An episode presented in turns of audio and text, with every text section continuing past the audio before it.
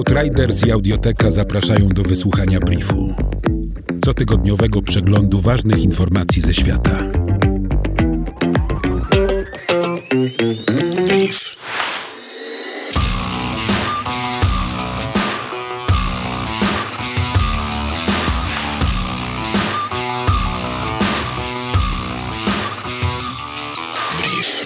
Obozy dla internowanych działają dziś na całym świecie. W Stanach Zjednoczonych to ośrodki dla imigrantów, a w Chinach obozy reedukacyjne dla setek tysięcy ludzi, wspierane przez zaawansowany technologicznie system nadzoru.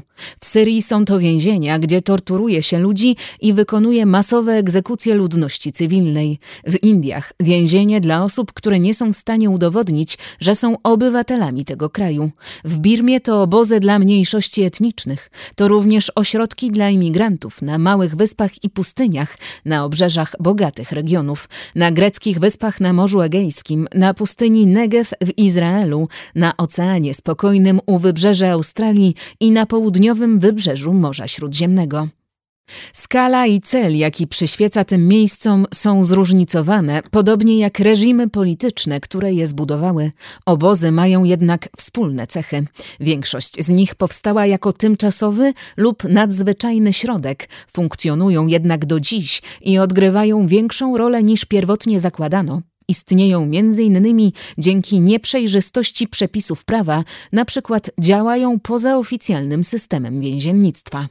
W 2019 roku zidentyfikowano w Wielkiej Brytanii 10 627 potencjalnych ofiar współczesnego niewolnictwa, co oznacza wzrost o 52% w porównaniu z 2018 rokiem.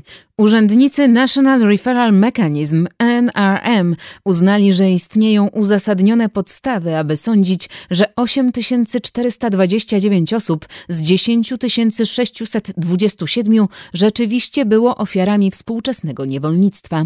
Otrzymały one co najmniej 45 dni specjalistycznego wsparcia oraz w niektórych przypadkach zakwaterowanie.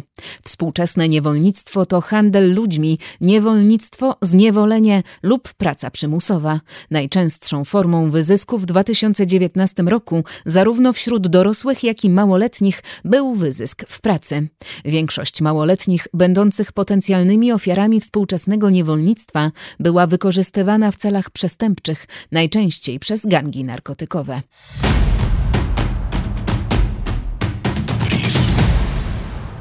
Antarktyda wpływa na stały system cyrkulacji głębinowej wszechoceanu, który przenosi ciepło oceaniczne wokół planety. Topnienie jej pokrywy lodowej zwiększa wzrost poziomu wód morskich na świecie. Zmian, które zwykle zachodzą na Antarktydzie, można spodziewać się w innych miejscach świata. Zima 2020 roku była na tym kontynencie rekordowo ciepła. 24 stycznia 2020 roku w stacji badawczej Casey na ziemi Wilkesa odnotowano najwyższą maksymalną temperaturę wynoszącą 9,2 stopnia Celsjusza. Prawie 7 stopni Celsjusza powyżej 30-letniej średniej dla stycznia w tej stacji. Natomiast nowy rekord temperatury dla Antarktydy wynosi 20,75 stopnia Celsjusza i został zanotowany w stacji Marambio na wyspie Simur 9 lutego 2020 roku. W Kredzie, ostatnim okresie ery mezozoicznej, od 145 do 66 milionów lat temu, na Ziemi panował bardzo ciepły i dość wilgotny klimat, a Antarktyda była porośnięta bagiennym lasem deszczowym. Naukowcy twierdzą, że w materiale roślinnym wydobytym dzięki odwiertowi w dnie morskim obok lodowca Pine Island na Antarktydzie znaleziono najbardziej wysunięty na południe dowód na istnienie lasów deszczowych w tej części świata około 90 milionów lat temu. To obecnie 2000 kilometrów od bieguna południowego, ale 90 milionów lat temu miejsce to było położone około 900 kilometrów od bieguna. Wydobyty materiał roślinny składał się z mułu, materiału przypominającego węgiel, gleby, korzeni, zarodników i pyłków, między innymi drzew iglastych i paproci. Zespół znalazł dowody na istnienie ponad 65 różnych rodzajów roślin. Naukowcy oszacowali, że średnia roczna temperatura w takim lesie na Antarktydzie wynosiła 12 do 13 stopni Celsjusza, temperatura wód powierzchniowych około 20 stopni Celsjusza, a stężenie gazów cieplarnianych było znacznie wyższe niż wcześniej sądzono. Jeżeli stężenie dwutlenku węgla w atmosferze wyniesie więcej niż tysiąc części na milion, na Ziemi będzie niewiele pokrywy lodowej lub nie będzie jej wcale, a na Antarktydzie będzie kwitła wegetacja, powiedział dr James Bendel z Uniwersytetu w Birmingham.